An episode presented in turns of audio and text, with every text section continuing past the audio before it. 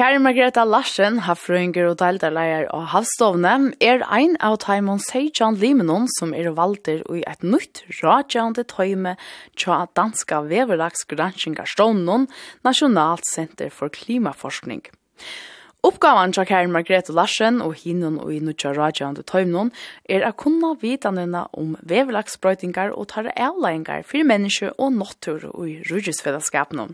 Velkommen i morgonsendingsna, eh, Karin Margrethe. God morgen, takk for det. Hva er dette for en oppgave som du finner? Ja, det er så at Nasjonal Center for Klimaforskning, det ble sett av stående i 2020, og skal uh, samla vitan og gjera, eisne, gjera meira vitan om uh, virla sprøytingar uh, og hjelpa DMI eisne, at uh, kunna uh, danske stjøttena om virla sprøytingar i Danmark, men eisne i faktisk danska kongarusna. Hvordan er du kommet nå i dette tøyme? Ja, faktisk, altså, som sagt, det ble sett av stånd i 20, 2020, og i 2021 da valgte de å sette uh, tve tøymer, ett ett rajande tajme men eisen ett vusendaligt tajme. Så ta blev faktiskt sett ut av vusendaligt tajme. Och ta viskar ju i två år, man blev sett för två år sen. Så ta helt fram alltså i 21 och 22 och så brukte de år 23 till att lugga som att um, ta sätta dig en bulk till att en ett meter. Och så går se gera vi till några granskningar så det var en en allt bulker av serfringar som blev sett till ett meter arbeid fra NCKF. Om arbeidet var godt nok og så videre, ja. Og det finner jo faktisk rett rettelig gå skåsmål fire til ja. Så nå i 2024, nå har det sett, nå har det valgt at samla en här, jag säger, bäge tøymen, eller faktiskt göra det av nudgen. og kalla det bare for att et rådgjørende tøymen, ja. Og her er det så valgt som ombå fire følger, eh, och ett av tajme. Så ja. Og hva er det akkurat som to kommer att göra? Ja, altså NCKF arbeider vi imsen evnen, med landa sjån det eh, og i Grønlandet, at han smelter til å granske det nekvøy, og bruker nekvå penger på det. Og det bruker eisen nekvå orsko i Danmark, altså gos avvarska vevlasbrøyningene i Danmark, vi tar jo hørst nekvå om at det regner nekvå løtene, eller regner nekvå i vetter, og i som minst forskjellige stedene, gos kan det fyrbyrja seg, eller være klar til det. Og så arbeider jeg eisen med klimamodellen, Och här där før jeg kom inn en av korsten. Så att vi tar ett rake av eh golfsämnen som føres fram vid førjen, eh och vi tycker ju Martin här står en Martin går över fem greiner och här av snär eh Rachnon eh omframt at att eh, Rikren mellan Øsland och Førjar, han är en erbjörn för klimatmodeller eller for överlagsmodeller. Så här har vi det eisne faktiskt haft oppgaver fire eh, NCKF eller DMI jag får ut här, eller vi tar finns pengar för jag får ut här att göra matingar och så samstarvar vi till för jag förbättra vävlagsmodellen så det kan bli bättre till att göra försakner och skilja vad det är som händer och ja. Så matingarna som tid gör havsånet, här är alltså brukt där och i sån här grashingar tar. Ja, det var det där. Och kände det tog, alltså min lägglåder här som kanske görs att det blir valt i ett att ta med. Men annars ska det är lugga som, halda jag, alltså bo fra hva fire ganger i førska samfunnet noen, altså hva gjør vi til på en og Um, det NCKF arbeider dem eisen er nek vi uh, grønne årskskiftene, uh, og i Danmark sitter det nek fokus på vindmøller og sånne ikke, men her har vi så rent av vist av at se vi jo er i gang til vi, vi kjører for årske, og at det eisen er ganske godt huskått at hittet han ved innan. Nu snurrar det sig ju om väverlaxbrödingar till det som till skulle kunna veta nu om och till skulle mila om det. Ehm Hver er du følger i sånn her vi og hva, hva hender akkurat her til åkken om akkurat leier? Nettopp. Vi taler kanskje det hender ikke så øyne jeg, va? vi ligger jo midt ute i Atlantshavet, og, og Atlantshavet, Atlantsjeklen som fører oss fra vi åkken, han er liksom en sånn buffare og leker, en dempar av at Her hentar brøydingarna er meir spekliga, søkliga, altså, til at heve, altså, det hittnar ikke så kjøtt, det legger en dempar av det heila.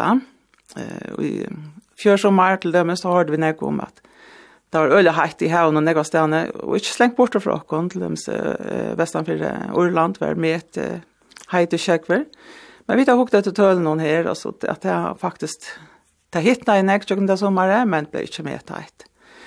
Ehm Men alltså jag måste gå alltså räknar vi att det kommer brödingar. Ehm och till döms nu har vi finns en vävlagstån eh vävstona så kanske mer fokus för att vara att att analysera det hörnen som är ju för ju om vävlagsbrödingar.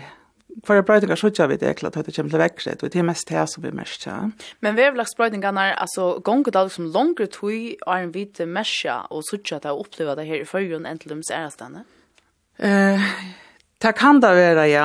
Nå tar seg Jan om han er golfstreimen, mm.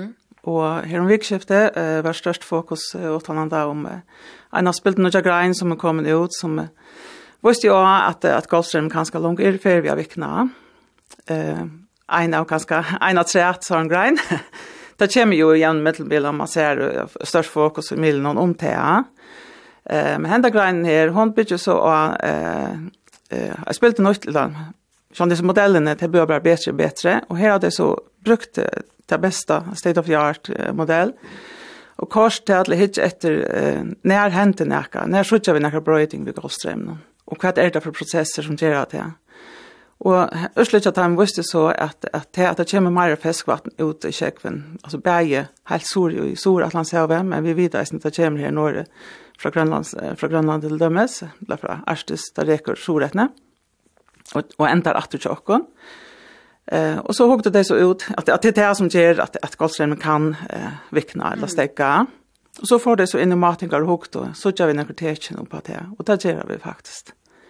Vi tar det til dem ser i førjen i 2016, størst låp eh, og i salten i alt det, altså at det minket i nek for eh, vi akkurat leier, eh, til så ferien sindre oppatne, men hvordan nekk så en stor låp eh, skulle til, og nei, det hendte nekka, det vidar vi så ikke. Og hva gjør det at salt inneholder minkar?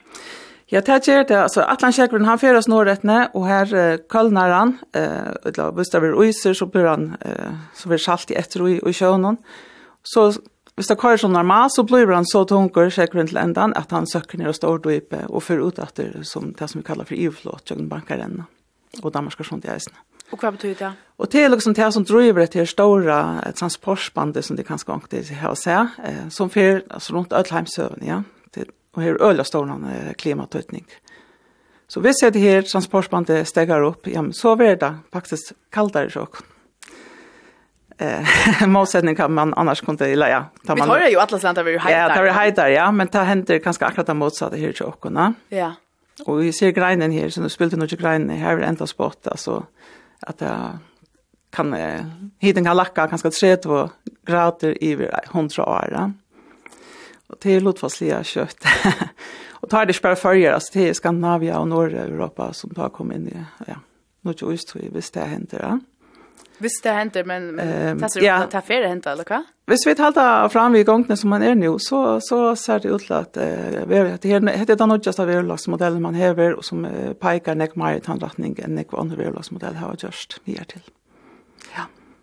Det är ju fullkomliga kolvelt omsønner om och alla lejer om om hatta modeller helt. Absolut, absolut. Men så er det ja, hvordan så hur så det så är vi där så i häsnar hundra någon eh ganska. Och ja, här är ju sjönne bättre att ja.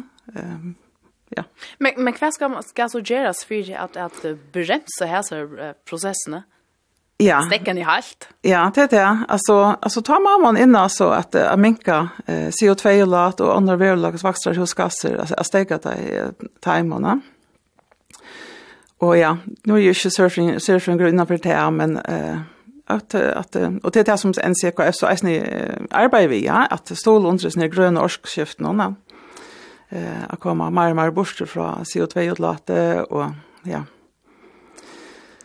Hur ser det ut? Hur det avskan hever detta tajme? Ehm det har inte bannats avskan till rådgivande tajm ja. Så så att det tajmen ska inte för ut och säga vi en cirka för nu skulle det göra mer vi heter och hatta men tajmen ska lugga som här var följer ut kvart händer här och här eh till bort och kanske sätta fokus så heter ävne och så vidare ja. Och till sammansätt av av eh ombon från danskon granskarston men även från kommunen och i sån ministerium nu ja. Jag kan vast du om hinne sexan folken annars som är i som tajm någon som tror passar att det är ju sejan folk. Men det är sejan folk ja. Eh uh, här är här är två ombord ur Grönland, en från Fyrsidin i Grönland och och en granskare som arbetar eh Naturinstitutet i Grönland. Och så är det andra folk alltså folk som arbetar har arbetat innanför det uh, eh till dems en dama som har arbetat näck vi att att rapportera in till IPCC ja att samla till vitan och till är isen en uppgåva till NCKF att att samla såna att att att köra till vitan vidare till IPCC så ta kunna goar eh vävlaxrapporter ja. Det er to er kommet og gjette her tøyme. Hvordan kommer det at avvirka så tunn vanlige arbeidsdag? Hvordan er det at du skal bruke på dette? Nei, jeg skal ikke bruke snakk og tøy på dette jeg skal bare liksom fortsette med daglig arbeid, og så rapportere til jeg inntil til deg. Um, til tøymene som var åren, her møttes vi tvær om åren, men i det med Atlan her, man møttes trodde jeg før om året, og så samskifter man om det, ja. Og hva er, er NCKF nå har rett og lei, og vi kan ganske peke, og til bort ganske helt sett fokus her enn her, og så videre. Jeg heter Joar, ser det spennende. Kari Margrethe Larsen, takk for at du vidtjer i morgensendingsene, og ja, gå og etne. Takk for det.